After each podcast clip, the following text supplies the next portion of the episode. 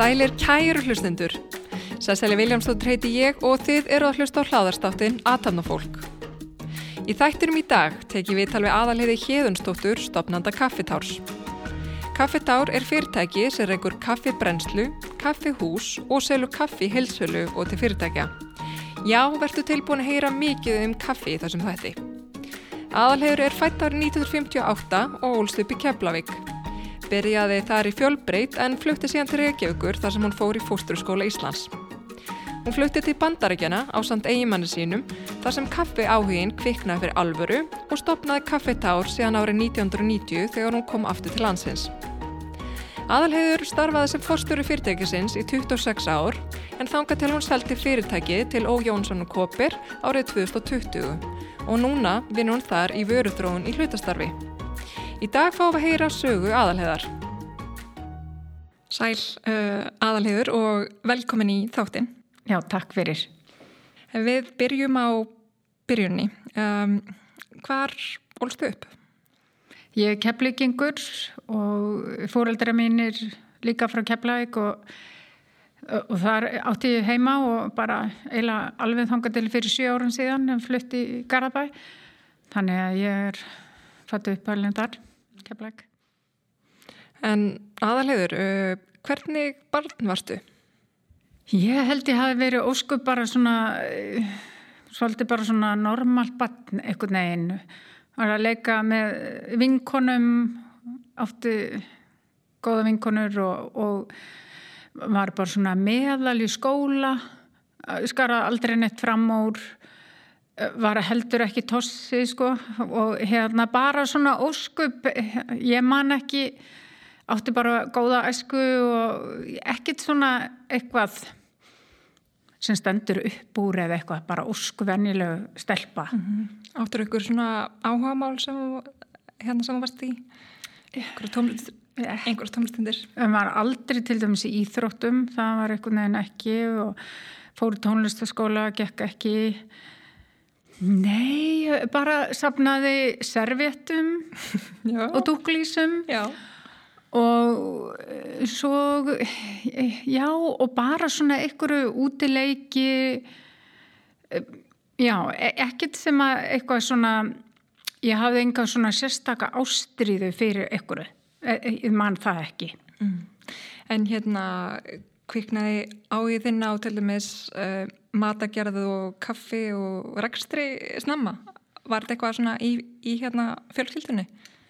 Sko mamma eldar voða góða mat og hefur alltaf gert og þannig það var alltaf voða góðu matur á heimilinu ekkert endilega eitthvað voða fancy en bara alveg saman hvort þú var að sjá fisk eða þú slátur eða eitthvað. Það var bara einhvern veginn allt gott í höndunum á henni. Þannig ég er alveg nefnir það og pappi var smíður og rakk sitt eigi fyrirtæki, þau voru bæði svona félagslega sterk og, og svona alltaf ykkur á konur hjá mömmu og mikið svona, bara svona gleði svolítið á heimilinu. Og þannig að ég hugsa sko, ég læri síðan fyrr, hérna var að passa börn, ég var sko svona tí ára, þú spyrjaði maður í vist og var að passa börn alveg þanga til ég fór í fisk þú veist á sömurinn og fannst einhvern veginn að myndi liggja fyrir mér að fara í fósturskólan sem þá hétt og þannig ég fyrir hann eftir sko tvö ári fjálbraut sem að þá voru intökuskilariðin og útskriðað sem fóstra og mér fannst það bara óskemtilegt En ég var sko fórstuðukonna fljótt, það var mikil skortur á eh, mentu hérna, fórstrum í keflaðið þessum tíma.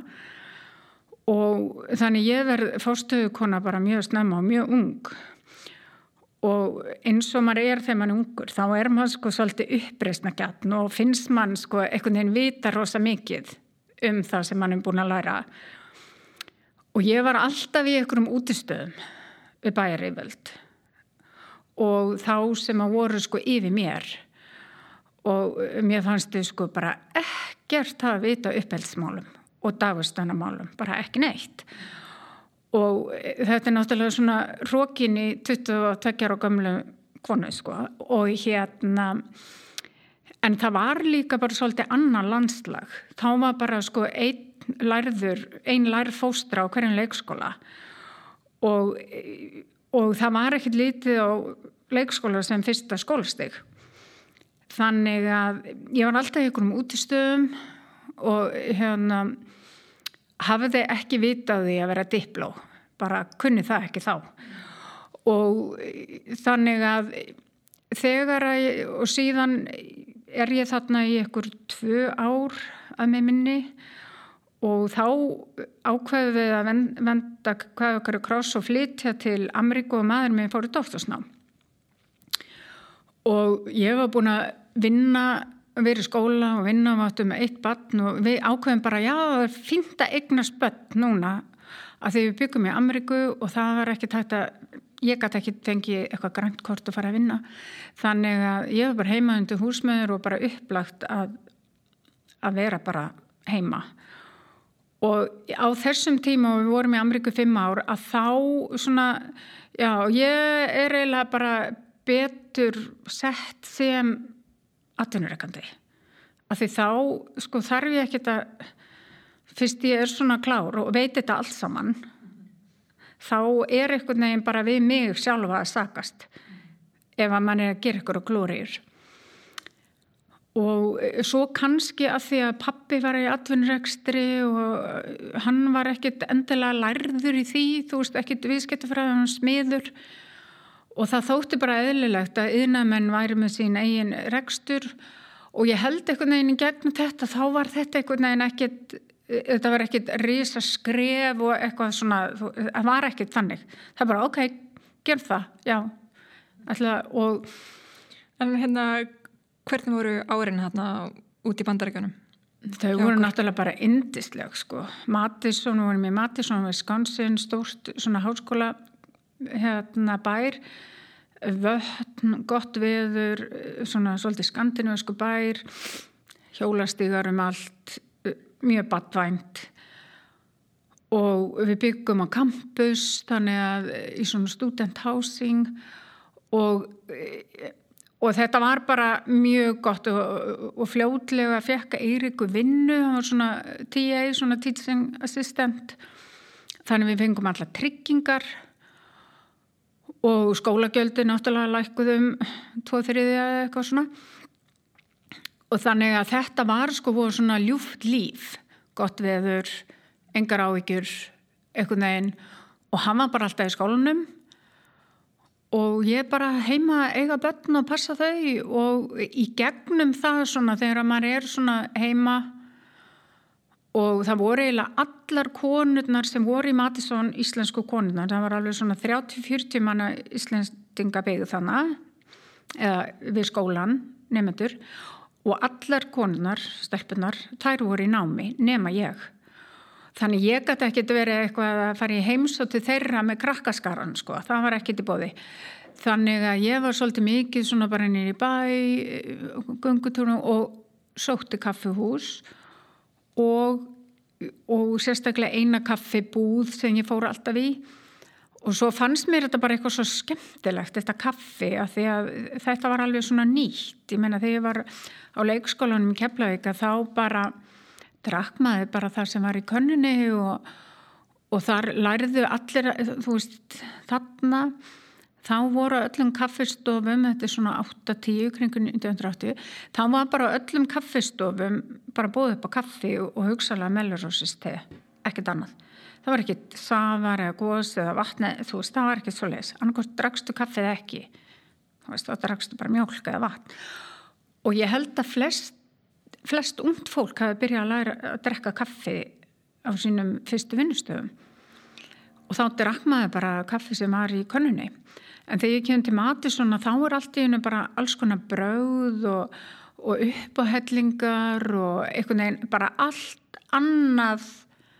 Var þetta ekki eitthvað neginn svona skítut kaffi sem hann svona þvældi í sig heldur var þetta eitthvað bara ljúfengu drikkur sem hann bara hlakkaði til að fá sér. Og þannig að ég fyrir svona stúdera hvað er þetta? Og keifti þá í University Bookstore þessar tvær kaffibækur sem þá voru til. Nú er náttúrulega til þú veist hundriði bókaðum kaffi. En ég kefti þess að er og las þar að hann gott að dytti sundur sko. Og svo, síðan fyrir ég á námskeið og síðan fyrir ég að vinna á kaffi, nei, á, í kaffibrennslu og, og gerði það í svona tæft ár og þetta var síðasta ári sem Eirikur var í, í náminu og hann var að skrifa sína rítgerð þá. Og mér fannst þetta strax óa skemmtilegt og heillandi og svo bara vildi hann fara heim, hann var búin að vera í námi bara fannst honum frá því þú veist, alltaf bara. Og hann vildi bara fara, komast heim og fara að vinna og þannig að við ákveðum ég, ég fekk reyndar að atvinni tilbúið útið sko hjá þessu manni sem ég mann hjá og mér langaði svolítið að vera áfram en ég held að þetta var alveg rétt ákvörðun að fara bara heim og þá eh, áttum til dælega nýlega bíl, seldum hann og keftum hann að lítinn kaffebrenslu og komum með hann heim og það er svona byrjunin á þessu æfintýri með kaffetár. Mm -hmm. Þannig að, þannig að þið voru búin að ákveða úti að rauninni, þegar þú kæmir heim til Íslands að þá myndur þú stopna uh, kaffebrenslu og, og kaffehús. Já, uh, sko þegar að ég fer að vinna þarna í kaffbrænslunni að þá var ég með sko í huga að opna kaffihús á Íslandi og mér fannst það eitthvað svona pínu krútlegt, kvennlegt og krútlegt og svo fer ég að vinna hjá þessu náunga og hann bara, neða, neðskan þú ferð ekkit að stopna eitthvað kaffihús. Þú byrjar á kaffebrænslunni af því þar, þú veist, þú verður að hafa ráöfnið og þetta var alveg rétt vegna þess að sko, það er eitthvað kaffihús sko, miklu miklu meiri binding. Og ég hafði sko þrjú lítil börn. Það er sko eitt og holtar á milli þannig að yngri barnana og uh, yngsta barni mitt hún var sko nokkra mánuða bara sex mánuða þegar ég fer að vinna þarna í særi kaffibrænslu þannig að þetta var náttúrulega alveg hár rétt að þú veist það, það, og svo komum við heim og það tók eiginlega tvö ár fyrir Eirik að fá almenlega vinnu. Þannig að það var svona basla okkur eins og er bara hjá ungu fólki sem er að koma námi. Og hérna þannig að þetta og þegar maður stopna þegar ég opnaði kaffebrennsluna þá þú veist var ég að vinna bara fram að hátegi krakkarnir fóru til dagmömu og ég vann bara fram að hátegi en ef mann hefði opnað kaffi hús eða kaffibúð þá hefði verið miklu meiri viðvera.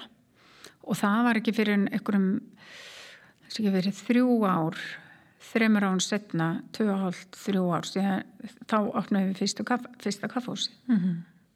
En hérna hvernig uh, byrjaði þetta allt hjá okkur og, og svona hvernig fjármögnuði þetta svona til að byrja með? Sko, þetta, hugmyndi fæðist í rauninni bara þarna þar sem ég er hjá þessum manni að hérna þessi möguleiki að það væri hægt að, að lifa af þessu eða það væri hægt að stopna fyrirtæki í kringum kaffi. Og þetta með kaffibrenslu og þá er það ok, hvað þarf maður til? Og kaffibrensla er í rauninu svona frekar einfalt dæmi. Ert bara með einn opn eina kvörn póka og eitthvað til að loka pókanum og máli dögt þú veist, og þarft ekki eins og í mörgum gærum, þá þarftu þú veist, fjár e, þú veist, tækjabúnað upp á fleiri miljónir eða miljarda e, það er ekkert svolítið kaffibranstanum þannig að ég kefti bara kaffibransla upp sem að kosta jæfn mikið á bílinn og kvörn og eitthvað svona söðukjaft til að loka pókanum og eitthvað að dalla undir kaffi og nokkra kaffisekki og þannig sko þannig að fjármögnunin hún var eiginlega aðalega í uh, þessu að koma sér upp aðstöðu heima og pappið var smiður og átti trismæðvestaði með efri hæð sem var ekki nótuð og þar setjum við kaffbrænsleofninu upp og byrjum þar. Og ég var bara að vinna og þarna var bara einn og Eirikur var reynda með mér uh, svona fyrsta árin og svo sá hann um bókaldið alveg í mörg, mörg, mörg ár. Og e, þannig að þetta var svona bara bara lítið og við þurftum ekkert svakalega mikið fyrir sko. Tókum einhver lán bara svona fyrir einhver smottir en þetta var aldrei þannig að við þurftum að veðsetja húsið. Þetta var meira það að allir peningur sem fjall til sko fyrst var náttúrulega fyrirtæki ekki með tap í einhver kannski tvö ára eitthvað sluðis og þá var það bara fjármagnaða launum Eiríks og eitthvað að lánum. Og en svo þegar að hagnaðurum fór að koma að þá fór hann bara beint inn í fyrirtæki þannig að ég var sko svona eiginlega launalaus. Að því það er í rauninni bestu lánin sem maður fær ef mann hefur tök á því og eins og ég hef svo oft sagt sko að vera einstæð eða einstæður veist, með eina fyrirvinnu og stopna fyrirtæki það er í rauninni miklu erfiðara heldur en að vera í sambúð eða giftur og hafa fyrirvinnu.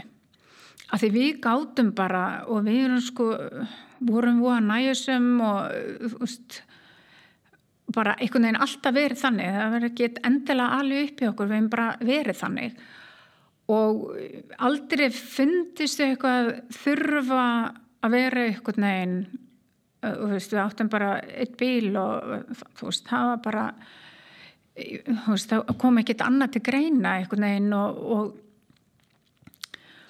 og, og svo bara einhvern veginn þegar að maður finnur að það gengur vel að þá gáttu við sett peningana aftur inn og hérna og svona smán saman ógs þetta og ég held, ég reiknaði það einhvern tíman út fyrir löngu, löngu síðan að fyrirtæki ógs um 30% ári allavega fyrstu eitthvað svona 12-15 ári Það er vel gert Þa, já, það, en það var ekkit meira en það. það þannig þetta var svona viðránlegur hérna vöxtur og hérna en auðvitað var mann einhvern veginn alltaf að kaupa nýjan bíl eða betra tölukerfi eða, eða símkerfi eða veist, eitthvað svona mm -hmm.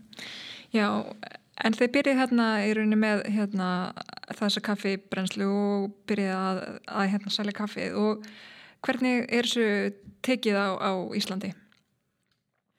Uh, sko ég held að hafa hjálpað að maður var svona út á landi og ég man ég var að reyna að koma kaffinu mínu inn í hagkaup og það bara gekk ekki neitt og ég reyndi þú veist En svo saði eitthvað sölum að mér sko löngu setna að ég hefði sko verið svo matlust í þessu. Mér fannst ég vera rosa ítin og svona, þú veist, að reyna að koma vörunum minn inn og lærði það náttúrulega löngu setna að það, það er bara sérstaklega týpur sem að þarf í svona sölumennsku og ég var ekkit endilega þannig.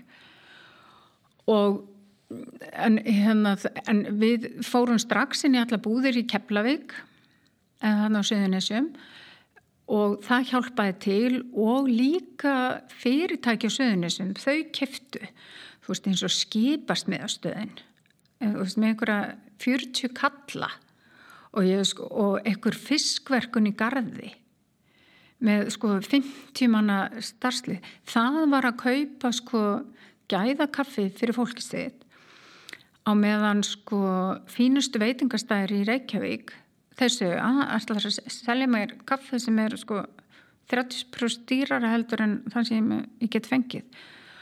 Og, og þetta var svona þarna á þessum árum þá var ekki almenn svona vakning um það og þetta fylgdi bara almennt svona matar menningu landsins að hérna e, eins og til dæmis kokkar eða þá sem ráku veitingahús vissu ekkert að það væri einhver gæðamunur á kaffi. Heldur bara kaffi verður eins og kveiti og síkur ég menna núna vitum við að það er mikill munur á kveiti en þarna, þú veist, það var bara kaffi, var bara kaffi og það var bara ótrústa keft og bara held upp á einhvern veginn og það var einhvern veginn engin sko vitundavakning um þessa vöru. Eins og núna, þú veist, það er bara allt sem við kaupum út í búð, þú veist. Hvað sem það heitir, ólífólja tómasósa eða, þú veist, það er allt til gúrmi eitthvað. Og þarna þegar við vorum búin að reyna að strögglast við að koma vöruna okkar framfæri í maturubúðum eða veitingahúsum og bara strax á með veitingahúsum bara, það þýtti ekki neitt. Þannig þetta voru fyrirtæki á suðunisum og verslana á suðunisum og svo var fjárðakaup og þau þannig fjárðakaup þau einhvern veginn tóku mér opnum örmum og það var góð sala í fjárðakaup bara staðsta búðin og held ég að við haldist bara nú veit ég ekki alveg hvernig sölumálun er núna en þetta allavegna í sko örugla 25 ár var þetta bara eina einstak búin sem seldi eitthvað mest af okkar vöru og e, þannig að þetta gerði svona hægt og bíktandi Já, en hérna á þessum tíma, hvað, hvað voru þið að gera sem var öðruvísi heldur en aðrir eða veist, eins og annað kaffi sem var í búið á Íslandi? Það var kannski fyrst og fremst eh, hérna að þetta var feskvara.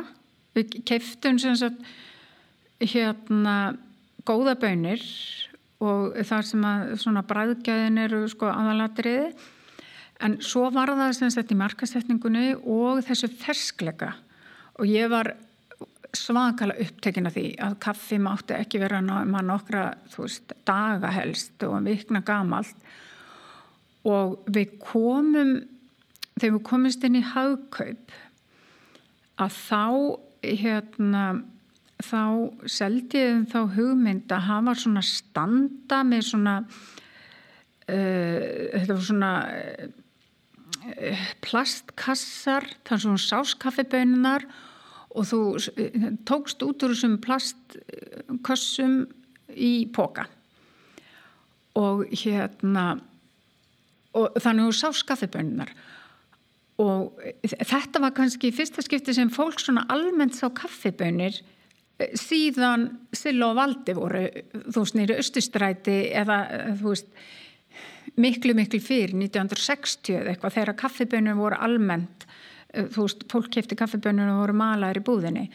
Svo hérna hættir það bara og fólk aldist ekki til fyrir kaffibönir við eh, sáum ekki, það voru ekki til þess að heimilis kaffibönavélar sem eins og núna allir með þannig að þetta var markasetningin leggja áherslu á ferskleika og að kaffið kæmi frá ákveðinu stöðum. Að það væri þú veist Costa Rica Kolumbia og og svo vorum við eitt sem hétt Expresso sem var svona mikið brent og þetta sko þetta einhvern veginn höfðaði til fólks og við, ég var rosadugleg í svona kynningum í búðum alveg bara alltaf 50 dag, fyrsta lögdag þú veist.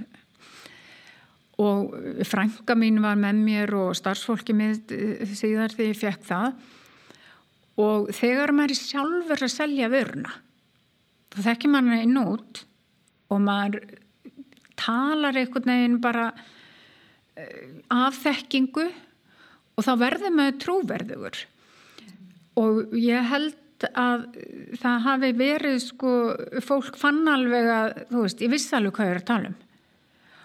Og og ég hafði þau sko þegar ég fyrir að vinna þarna í Madsson hjá henni Viktori þá lagði hann svakalega áhersla á og var alltaf að segja það við mig að bara trist your taste buds. Sko, láttu bara bræðleikuna segja þér og ekki eitthvað fræg nöfn eða eitthvað merkilegt þú veist, nafn eða verð eða eitthvað svona. Og, og svo uh, sagðan Anna sem alveg alltaf að segja við mig hann að give your customer value. Þú veist að viðskiptavinninni fái eitthvað fyrir peningin og þetta var svona þetta var svona tvent leiðaljós og svo var annað sem hann sagði að, og hann var kannski svona minn mentor í business að því að þegar við flyttum heim þá þekkti ég bara kennar á fósturur. Það var ein vinkona mín sem að pappin er átti búð og hún var í búðinni.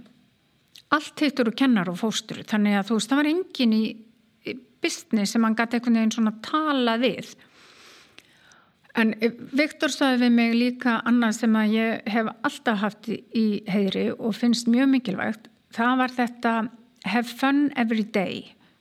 Þú veist, gerði eitthvað skemmtilegt á hverjum degi. Alveg sama þó að þú veist, kemur frost í Brasilíu og hérna eins og gerist bara núna fyrir mánuðið síðan og kaffiverði hækkar bara, þú veist, nú hækkaði um 30% en þarna held að verið 92 eða 3 þá kom frost í Brasilíu og þá hækkaði töfaldæðis ráðniskostnæðurinn og þú veist, fyrir lítið fyrirtæki sem er að byrja þá er þetta bara veist, svakalegu biti. En að því að það var ekkit overhead þá bara mannmaður stittra Akkurat. En bara muna að hafa alltaf gaman á, já. Já, og eh, muna að gera eitthvað skemmtilegt á hverjum einsta deg eins og til dæmis koma í miðtal. En hérna síðan fyrir þetta nú svona dalda rúla hjá okkur. Og hérna mannstu hvernig það var sem að hugsa bara, herði, ég er með eitthvað rosalega flott í höndunum. Þetta er að vera að ganga vel, rosalega vel. Ég held ég að aldrei hugsa það. Það var einhvern veginn Æ, bara þegar mann er sko að því að velgengni og eitthvað svona, það var einhvern veginn ekkert, ég var ekkert að pæli því. Ég var sko bara svona einhvern veginn ón í kaffibönni, þú veist, þú veist. Og þannig mér fannst bara alltaf svo mikilvægt að Íslendinga fringi að kynna skóðu kaffi. Og hérna, og að því við uksum svona með einhver 30% á hverju ári, þá var þetta svona sígandi lukka En ég man þegar við byggðum sko kaffibrennsluna, ég held að það hafi verið 2003 sem að við eh, byggjum hús, eh, við vorum sem sagt búin að vera þarna á annari hæði hjá pappa.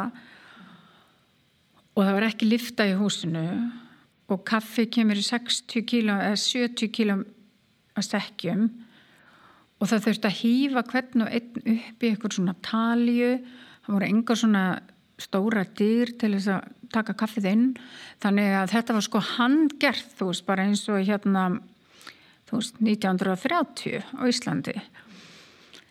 Og það voru allir hættir að svara símanum þegar ég ringdi, allir í fjölskyldinu þú veist, ef þú þurft að losa gám það bara, ænæg, þú veist, ringir hún?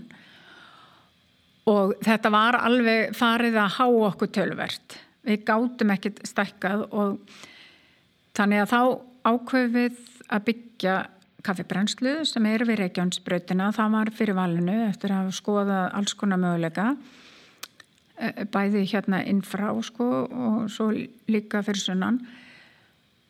Og þá er mann allt í nú komið svona fallegt hús og ég var ána með þetta hús meðan þetta vel hannað og, og flott og flottir arkitektar og og það breytist einhvern veginn svona ásýndin. Maður var bara einhvern veginn svona æja, þetta kaffitára hana, konan hana eitthvað starra á söðunisum og allt í hennu bara komið flenni stórt hús með rísa logói við Reykjavínsbröðina og ég tók alveg eftir því að allir reikningar sem ég fekk frá alls konar þjónstæðalum þeir eru urðið eitthvað nefnum svona pínu harri þannig að ég var allt í hennu bara byttinu við, akkur eru hérna svona margi tímar og eh, þú veist og eh, það var einhvern veginn litið á mann sem svona success. Og það var bæði gott og slæmt. Eh, slæmt að því að þá bara einhvern veginn gerði allir áfyrir að maður væri bara vaðandi peningum. En líka að þá var kannski mann tekinn alvarlega. Bara, ó já, þetta er fyrirtæki sem að, þú veist þau vita bara hvað er að gera og hérna og ég man sko þegar við opnum fyrsta kaffihúsið inn í kringlu bara svona pinkulitla svona hole in the wall e, bara svona kaffibar þar sem að áfengisbúðin er núna, vinnbúðin, að þá kom fólk og saði bara reglulega, já, ég vil fá cappuccino, sko, með þeittum rjóma og hérna á Ítali fæ ég alltaf espresso með sítrónu, ertu ekki með sítrónu eða sótavatn, eða þú veist það var alls konar, alltaf segja okkur til og bara, nei, drekki ekki kaffu brúsa kaffubrúsa og þá voru svona glerkönnur þú veist, svona með hýtaplatta undir sem er alveg bara, þú veist, þú gefur óvinniðin um soliskönnu og hérna þannig að þetta voru sko algengustu viðbröð og maður var alltaf brostandi og sagði bara já en við í kaftári, við bara höfum þetta svona, veist. Við teljum að það sé betra fyrir kaffið að vera í svona pumpubrúsa heldur en að vera á segðandi á einhverju heitir hellu. Og svo með áranum það bara hætti þetta veist. Og, og líka að því við vorum bara svolítið lungin eh, einhvern veginn að koma okkur á framfæri. Og ég til dæmis gerði eitt að því svo áttu við sko engan pening fyrir einhverju markasmálum það bara og þetta er náttúrulega fyrir tíma samfélagsmiðla og það voru bara blöðin útvarpið og samvarpið og, og þannig að en ef mann komst sko í blöðin þá vissi bara 80% af þjóðinni það þannig að sumuleiti var sko markasmáli miklu auðveldari. Það var ekki eins mikið sko háfaði eitthvað neinn og ég hérna var svona svolítið örug með mig og fannst ég vita bara svolítið mikið um kaffi svona almennt. Og ég gerði það alveg, þú veist, ég kefti öll tímaritt sem kom út um kaffi. Uh, ég fór á kaffirástöfnu Erlendis þó að ég borgaði mér ekki laum þá fór ég alltaf á kaffirástöfnu fekk að vera, þú veist, í hótelherbyggi með einhverjum sem þekkti þau til að spara hótelkostnaðin vann á síningunni sem þurfti ekki að borga síningagjaldið og e, e, E, og var sko, þetta voru svona síningar það sem að voru sko fyrirlestrar í þrjá daga, allt mögulegt um kaffi og ég drakk þetta í mig og ég fannst ég bara vita svolítið mikið um kaffibransan, ekki bara þú veist hvernig kaffi bræðast, heldur líka sko pólitikinin kringum kaffi, frambóðið, hvernig bændur höfðu það og síðan umbúður og markasmál og ég til dæmis gerði það að ég skrifaði fréttatilkynningar og sendi á fjölmiðlana og alltaf aðalhegur í kaftári undir. Og það var ekkit endilegum kaffitár. Það var kannski bara eins og þegar að Frosti kom í Brasilíu eða eh, það var eitthvað kaffi sem ann ekkur velun eða ekkur bændur sem voru að gera eitthvað eh, sem var eftirtækt að verð. Þannig að fljótlega og svo þegar ég fór í vittöl þá reyndi ég að vera skemmtileg. Ekki að barma mér eða tala og mikið um kaffetár af því að þú veist það nennir engin að hlusta á eitthvað vera alltaf að eitthvað að segja hvað fyrirtækja hans er flott. Það er ekki trúverðugt. Þannig ég reyndi alltaf svona svolítið að tala bara um efnið. En svo kom það alltaf fram að ég var að vinni í þessu fyrirtæki sem hétt kaffetár og átti það. Og hérna þannig að smá sem að var maður trúverðugur svona vissi eitthvað um kaffi og það kom fyrir að fólk og enn er það að koma fyrir að fólk er að hafa samband þú veist fjölumælumenn þegar eitthvað gerist í kaffiheiminum mm. og fá álit mm. uh, En þessi svona alþjóðli kaffiheimur hérna getur aðeins svona listunum í svona stórum dráttum og, og hefur hann breyst svona mikið meðan þú ert búin að vera í rækstri? Já, mjög mikið. Og til dæmis þegar ég var í Mattisson þarna 8-10 og 5-9 eitthvað svo leiðis að þá vissu við ekkert af Starbucks. Starbucks var náttúrulega að byrja og var á sko hérna vestuströndinni og eh, Mattisson er þú veist inn í miðjulandi og, og, og það var náttúrulega ekki internetið og við fyrstum ekki þetta einhver fyrirtæki, eða ég vist það allavega ekki sem hétt Starbucks. Og og þá hérna og þegar maður var að fara á þessar kaffirástöfnur að þá var þetta svolítið mikið svona eh, tengt sko kaffinu sjálfu bragði það að velja bönir og síðan að reyka kaffihús. Það var svona eh, fókusin á það og ég fer í þessi samtök sem eru spesaldi kaffi samtök Ameríku. Og þau eru stopnuð bara þarna bara rétt áður en ég fer að sækja þessa, þessar ástöfnur og, og þá einhvern veginn verður svona aðtiklin á kaffi og þetta heitir Specialty Coffee Association sem er einmitt um þetta gæða kaffi. Og þá er einhvern veginn fókusin að því að allstæðir í heiminum var bara ekki fókus á gæða kaffi. Og þá er svona fyrirtæki eins og Pete sem, sem byrjaður að fara þú veist til Sýður Amerika að kaupa bönir og tala við bændir og byggja og rækta eitthvað pínu öðru sig og manda til verka og eitthvað svona. Og, og, og þetta svona vex alveg og síðan þegar að Starbucks þegar Háa Súls kaupir Starbucks að fyrirverðin tegundum og fer að opna kaffihús og leggur áherslu á þess að espressodrykki þá bara fer þetta eins og eldur í sínu um heimsbyðina bara. Og hérna byrjar í Amriku og þar er Starbucks að byrja að leggja áherslu á sem sagt góða bönir en líka kaffehúsin og hann kemur með þessa setningu sko the third place þú veist það er heimili vinnan og svo kaffehúsið þar sem fólk kemur. Og við sjáum þetta í þáttum eins og Friends, þú veist, hittasta kaffahúsi, þetta er á þessum tíma.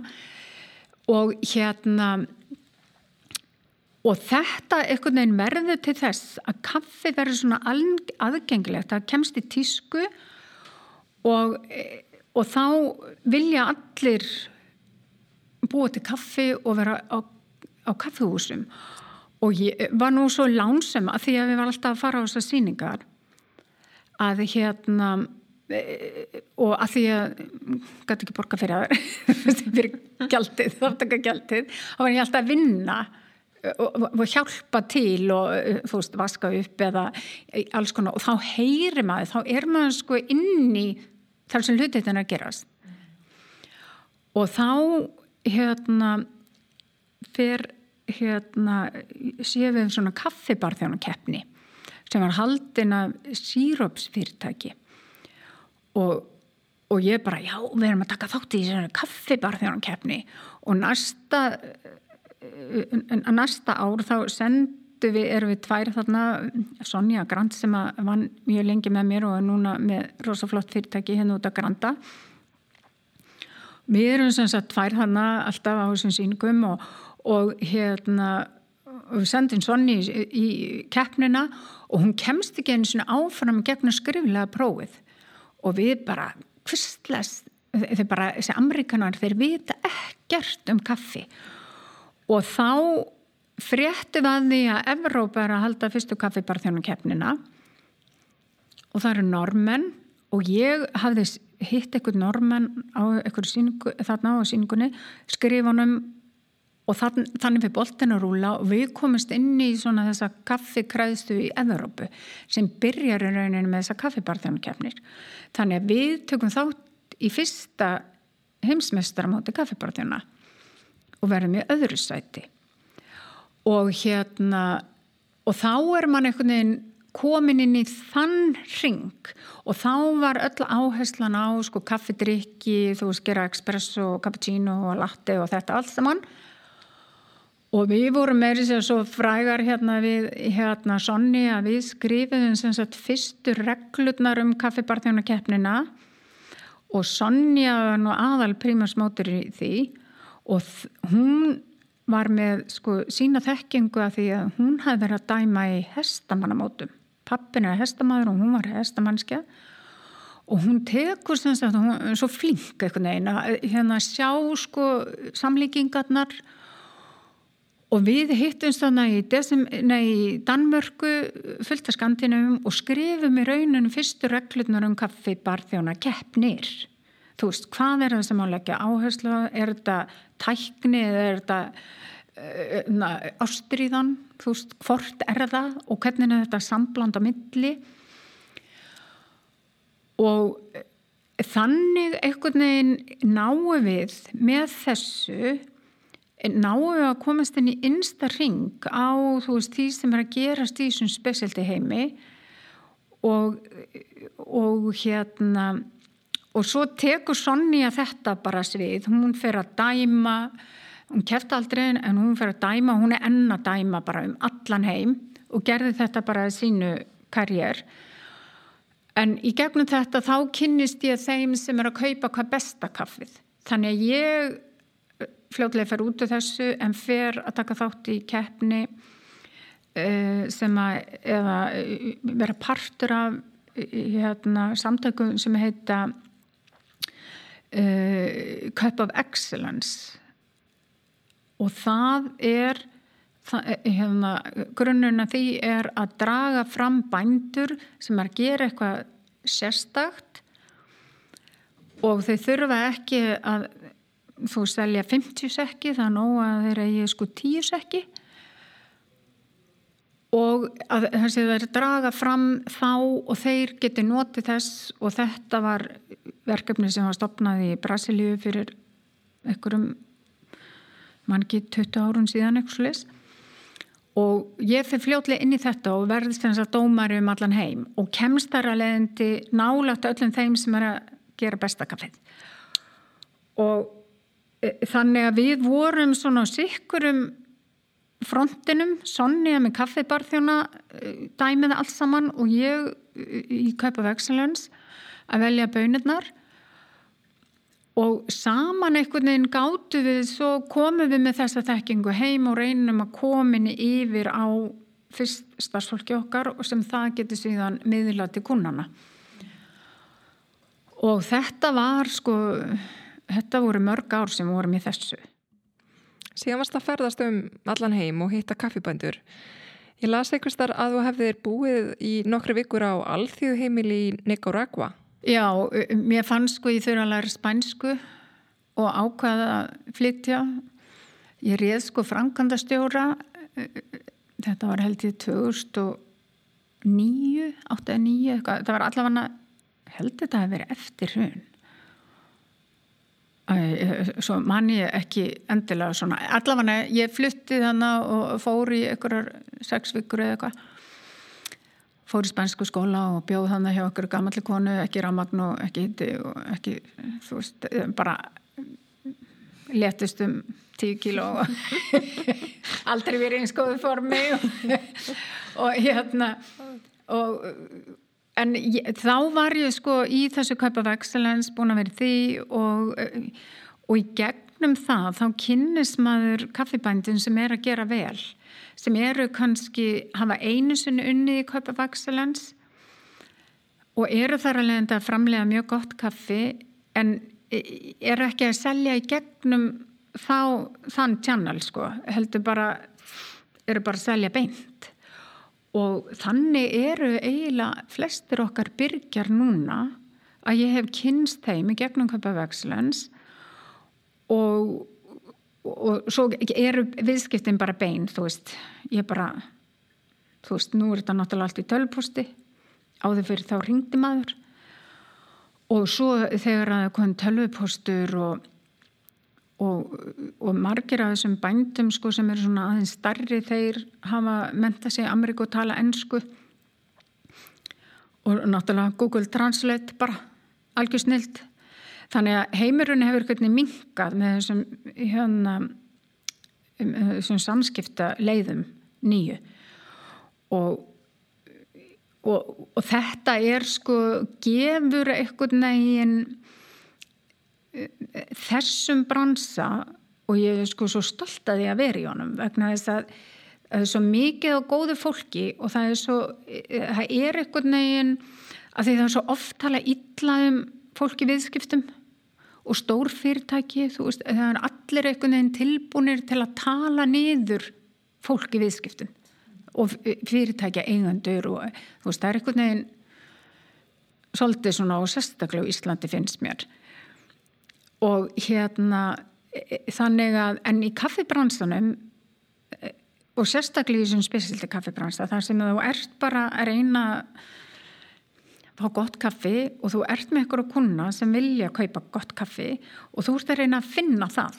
Og þá verður að borga bændunum meira af því það er bara miklu miklu dýrara að fara þrýsa sinum yfir kaffiplantuna og alltaf að sækja rauðuberinn heldur en að taka bara allt og grannjakslan og allt í einu. Og þetta bara kostar og þá verður mann að borga herraverð. Og þeir sem eru í spesialdibransanum, þeir bara skilja þetta. Og öll svona virðiskefjan og þannig það er mikið af sko góðu fólki og svona og svona gagvænt e, hérna eins og til dæmis þegar hruni var hjá okkur. Ég var á þessum tíma að kaupa kaffi fyrir Guatemala frá búkariði sem heitir Elin Herstó. Og Elin og hann hérna Arturo sem að á það það eru feðgar, báður heita Arturo. Þeir hafa unnið oftar kaupavækselin, urðið í fyrsta sæti kaupavækselins heldur nokkur annar búkariður í heiminum. Og, og þeir, eru, þeir eru sko algjöru snillingar og alveg svona rosalega fókuseraðir. Og ég var sem sagt að kaupa kaffi af Arturo sem var ekkit endilega voða frægur þarna. Og hérna þá var hann bara búin að vinna kannski tvisa sinum Cup of Excellence. Og fyrsta skipti ég hitt hann þá var ég með dómari í Guatemala og hann hafði sendt inn tvær pröfur tvö kaffi sikkurt yrkið og fekk sko fyrsta og þriðastæti og hérna og þá kynni ég mig fyrir honum og segi ég er hérna frá kaftári á Íslandi og ég var að kaupa heilan gáma kaffi af frá þér. Og þá kefti ég gegnum sko höndlara í, í Evrópu. Og hérna geti komið og farið með þeir á búkarðin og hann eitthvað svona horfið á mig og bara allt í lagi þá. Ég fer klukkan 7 fyrramáli og það var dótti mín með mér.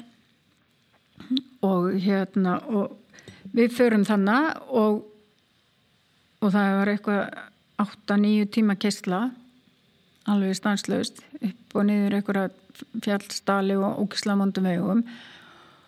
Og á þessum tíma þá kynnust við náttúrulega og eh, svo held ég áfram að kaupa kaffið hans og hérna í langan tíma. Svo kemur hrunið og þá bara þú veist, verður krónan okkar hálf verðlaus og ég bara segi menn, þú veist, það er Artur og ég bara get ekki keft kaffið þitt, þú veist, þetta bara, það kaupir tengin á Íslandi, af því að kaffið hans var svona freka dýrt.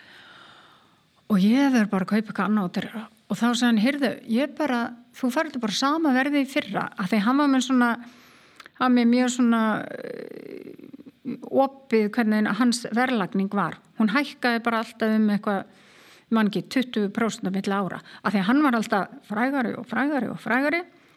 Og núna til dæmis fyrir allt kaffi hans nánast til Japans. Og eh, þú veist, ég get ekki kift kaffi hans núna sko nema örfa á sekki og gert það einstaklega sinnum. En og þá sagði hann bara þú veist, þú veist, ykkur, þú veist þetta lagast hjá okkur á Íslandi. Og hérna og bóndin okkar í Nicaragua við gátum ekki komið peningun til hans. Og bara gátum ekki borgað. Við áttum peninga kaffitár fór ekki mjög illa út úr henninu við vorum sko við vorum bara svolítið svona höfum alltaf verið frekar varkár. Og við breytum kaffihúsunum okkar eiginlega bara um leið þú veist hættum að bjóða upp á dýra vöru, bjöðum upp á útiræri vöru og eitthvað svona. Og þannig að og lánin okkar við bara gátum einhvern veginn alltaf borgað af þeim. Og hérna þannig við vorum ekkert svona alveg bara og sagði við þennan bonda inn í Grakvað þú veist, eigum alveg pening við bara komum ekki peningunum til ykkar.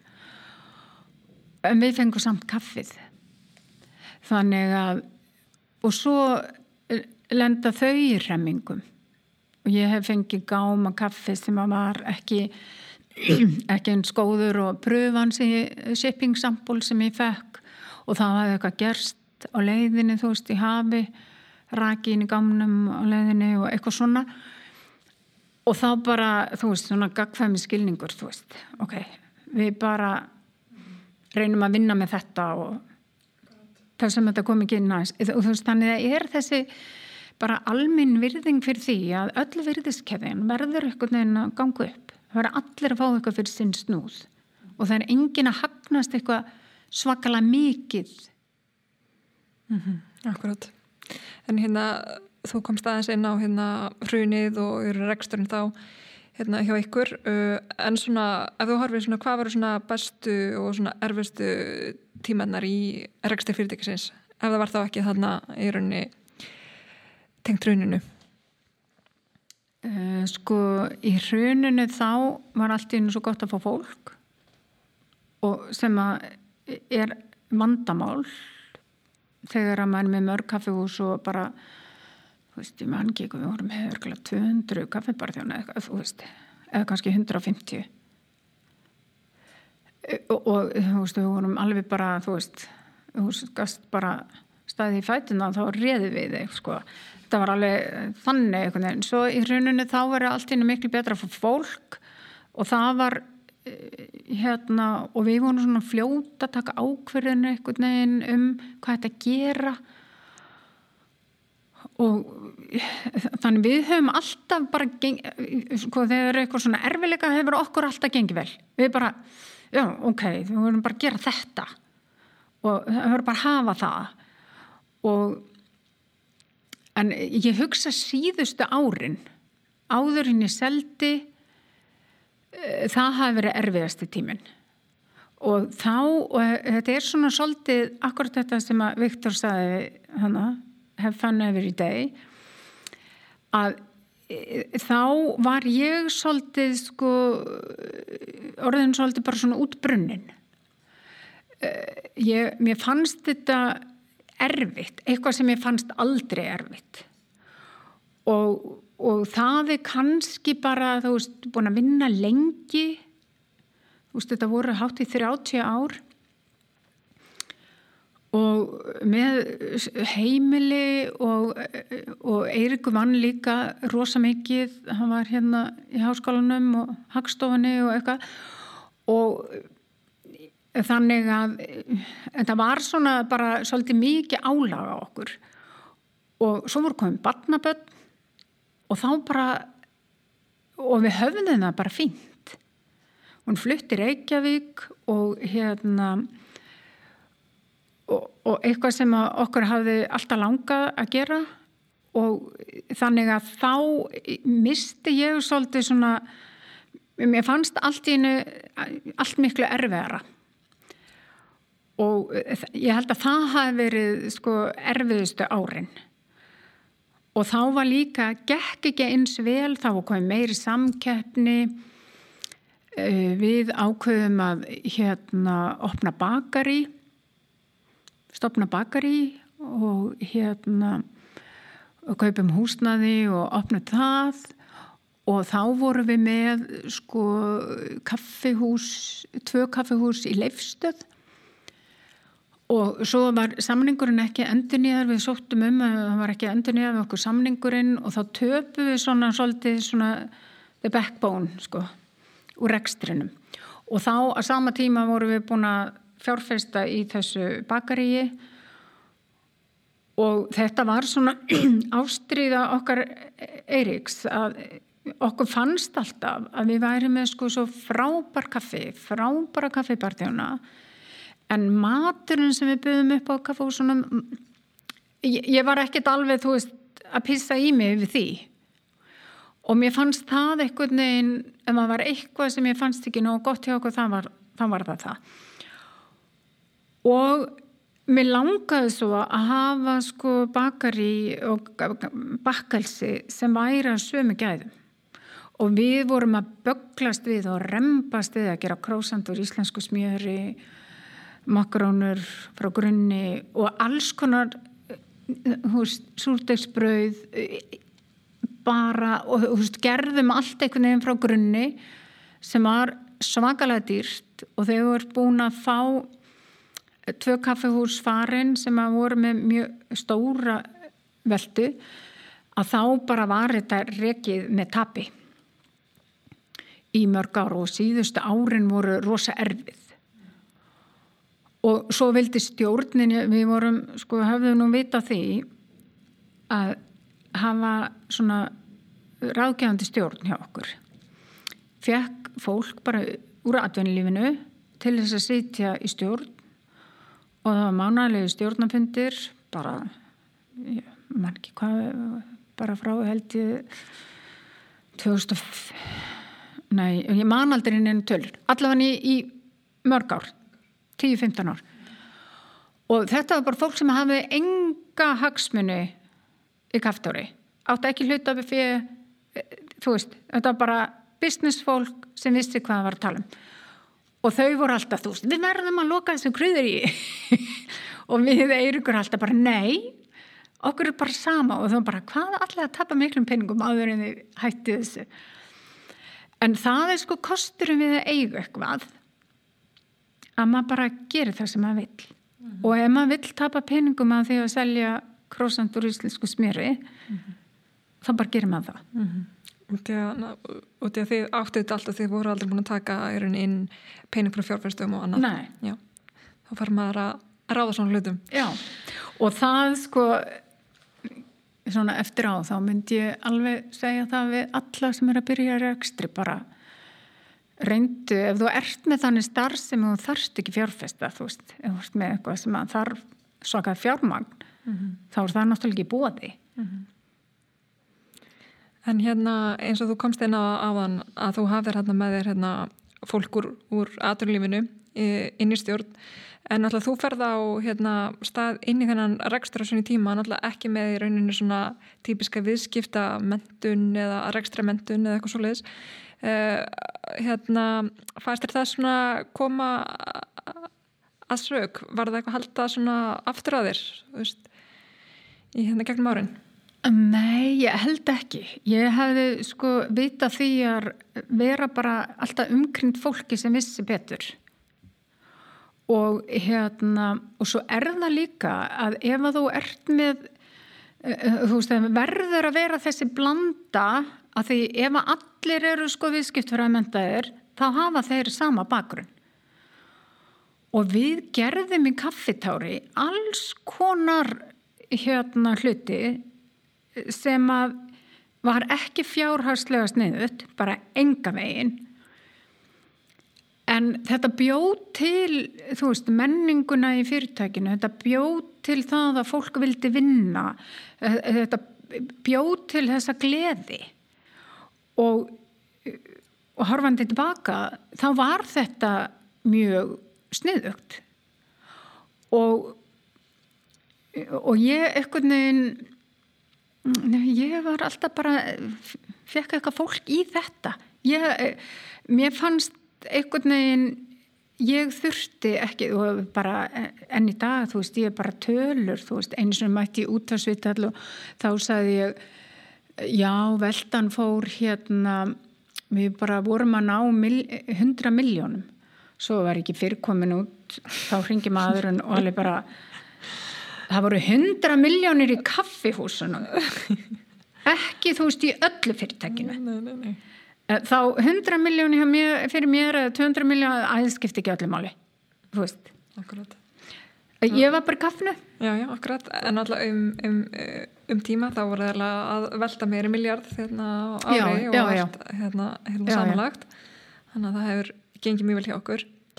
Um, en svona, út af að ég er aðeins að draga út sko svona, já, náttúrulega bara þig og þinn hérna karakter í þessu. En hvað varst að gera þegar þú varst ekki að hugsa um kaffi? það var kannski ekki bara elda eða eitthvað en maður verður alveg svona heldtekin og ég held þetta sé mjög algengt bara með fólk sem er í eigin rekstri, alveg sama hvað það er að maður verður sko það snýst einhvern veginn allt um það. Þú veist, ég er enn að lesa blöðin. Ég verða að fá blöðin og fletta þeim að sjá hverju eru að auglýsa hvað er að auglýsa hvað er að auglýsa þessir og hinnir og ég er búin að selja fyrirtæki og er ekki tísu og ég held og ég er að lesa þú veist, kaffegreinar og ég er að lesa eitthvað um þú veist, kaffi og eitthvað og að því að þetta verður eitthvað svona partur ammanni og manni finnst þetta skemmtilegt og e, þannig að já og ég held að sko ég held að það sé líka búið mikilvægt að mann sé ekkit endilega þrátt fyrir þetta að mann sé að taka sig of alvarlega þú veist og hérna og ég held kannski að ég hafi einhvern veginn náð að gera það að þú veist treysta öðrum fyrir að ég held að auðvitað sér maður sjálfa sig í einhverju ljósi sem mann kannski aðri sjá mann ekki sko.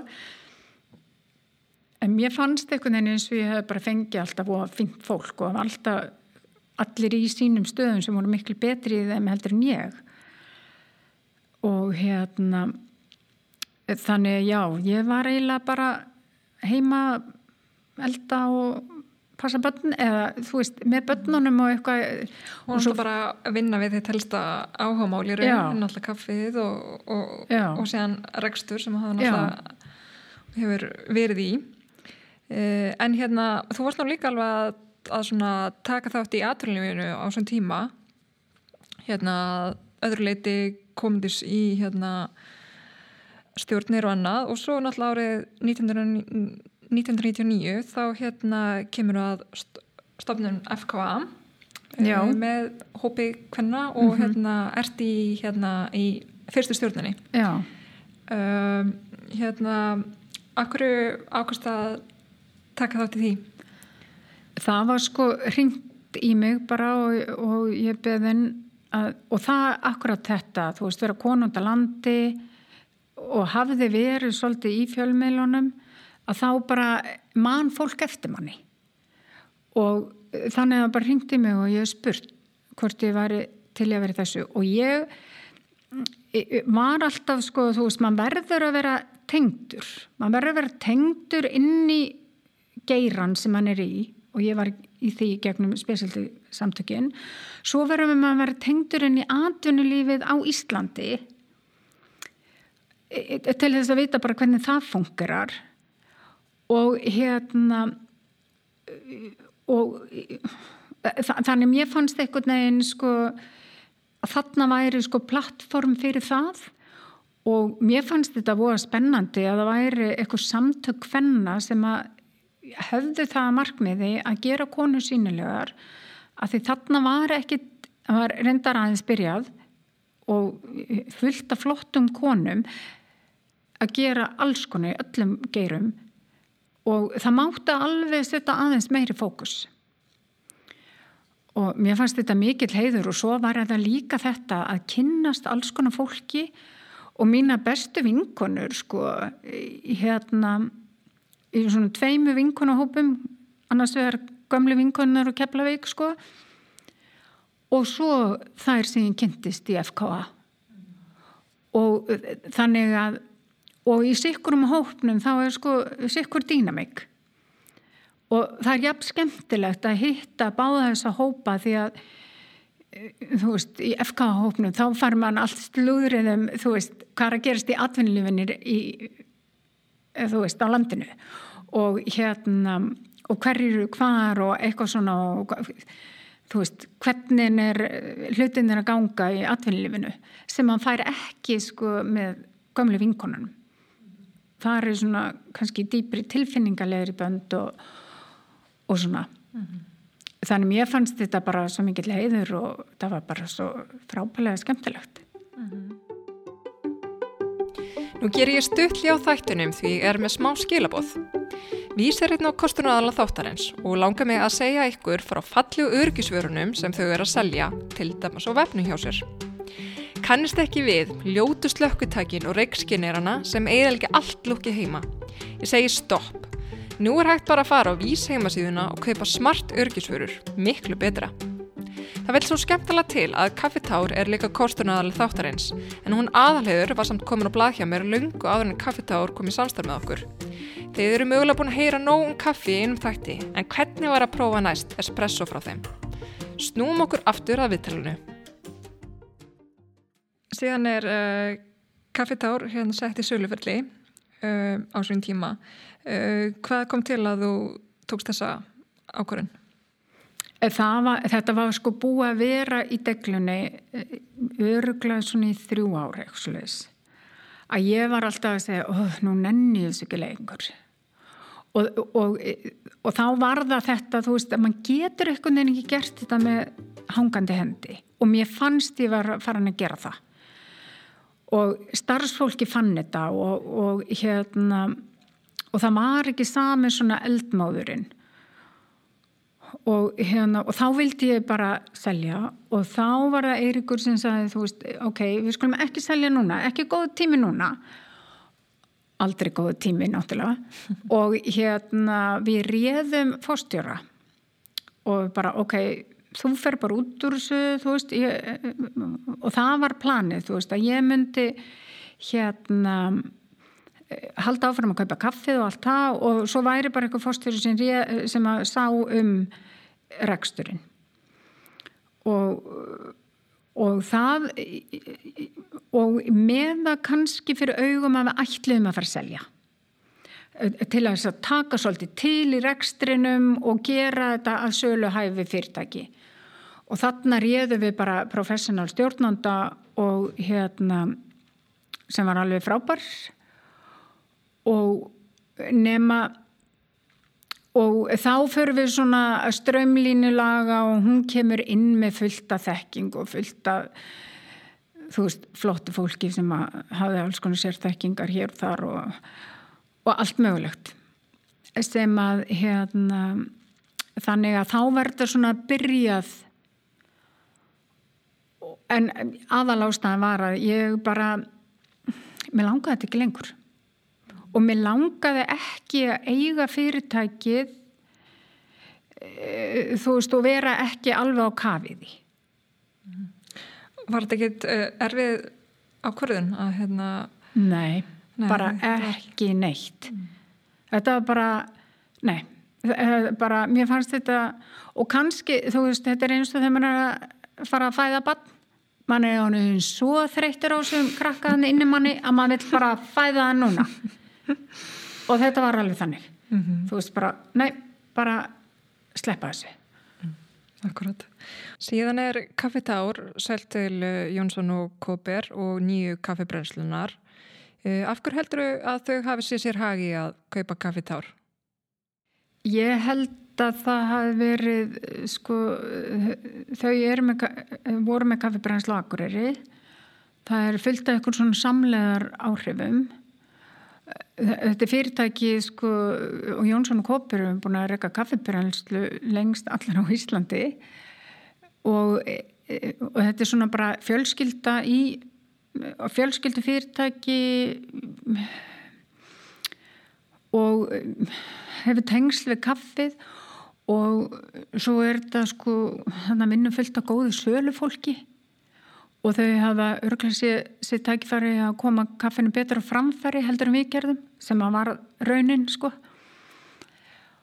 Og já og ég held að sé þessi samlegar áhrif. Þannig að og ég var afskaplega glöð að þau keftu ég finnst þetta bara besta sem að hérna að því að það bara það breytist ekki mjög mikið sko svona starfsmannahaldinu.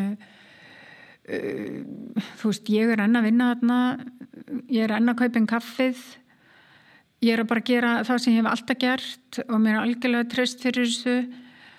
Um, og og nú er ég fann að kaupa henn kaffi fyrir nýju kaffibrensluna Akureyri velja bönuna fyrir þau.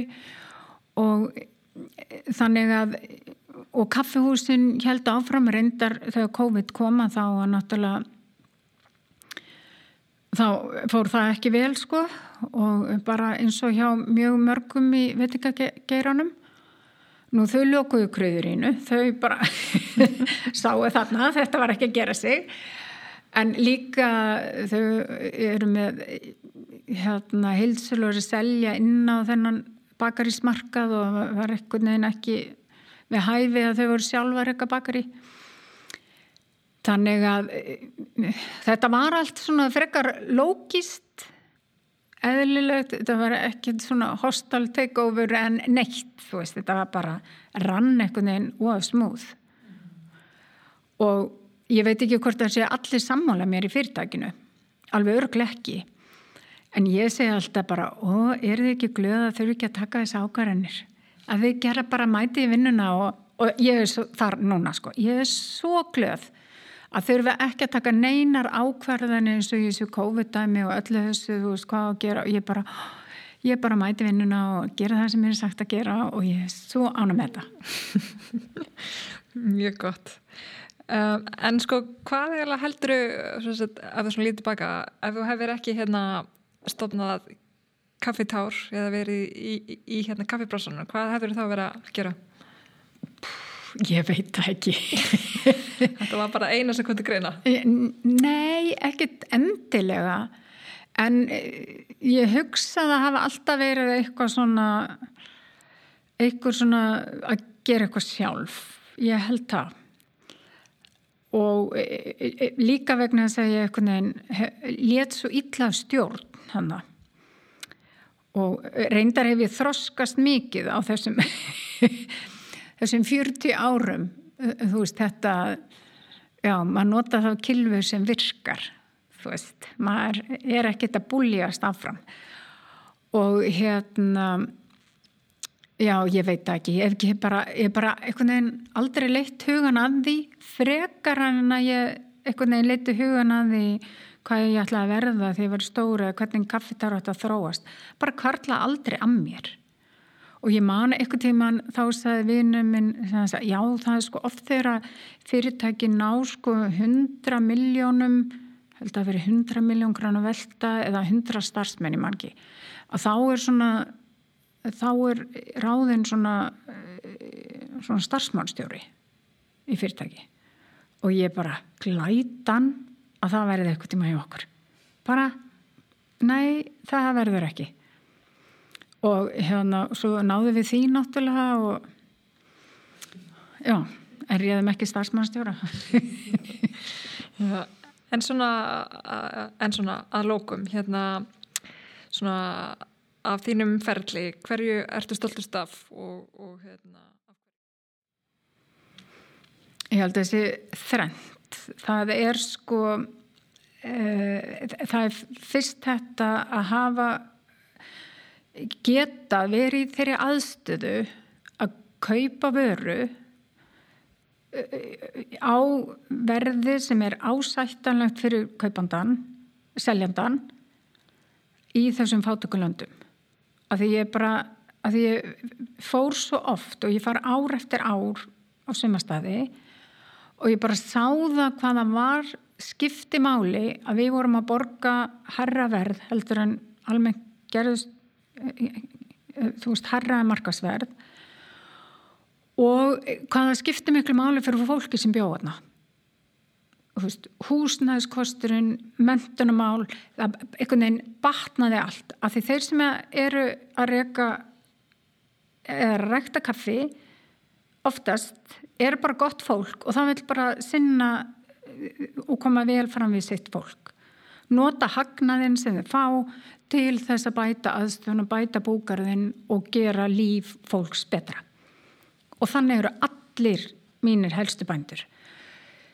Þetta finnst mér hérna og ég voru stolt af þessu að við höfum borið gæfu til þess að geta kefta þessum bændum og síðan íslensku neytendum að kaupa þetta kaffi af því það væri ekkert hægt. Ef að þau segir bara svo týrst ég kaupt ekki neitt. Af því þá gætu við ekki haldið áfram að vestla þessar bændur. Þetta er eitt. Og svo finnst mér sko sem gömul fóstra og hérna, þú veist, uppbyldsmál.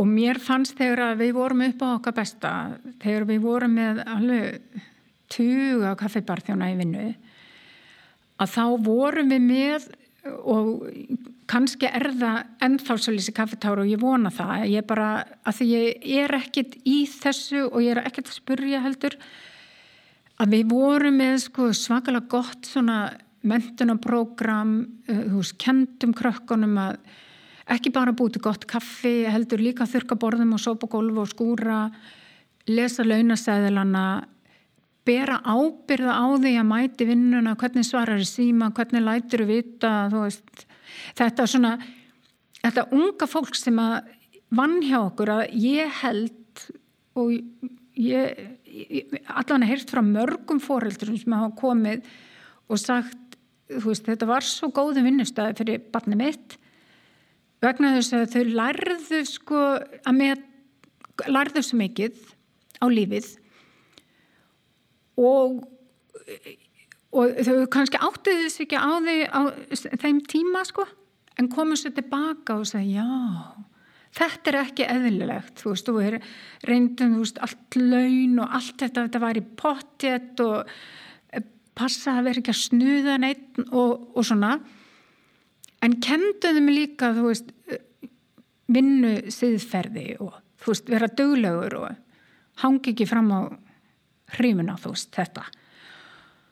Þetta var núm tvö. Og svo umhverfismálin sem að mér finnst sko bara við vorum strax og það er kannski þegar mann er alltaf að ferðast út í heim þar sem að hérna fólk allt sitt undir ræktun. Að það bara hérna skiptir svo miklu máli að við séum að ganga vel um jörðina og við vorum strax bara, veist, fyrsta kaffehúsi sem ég opnaði, hann í kringlunni. Veist, strax byrja að flokka, fara vel með ekki sóa og hérna og þú veist, ekki kaupa óþarfa.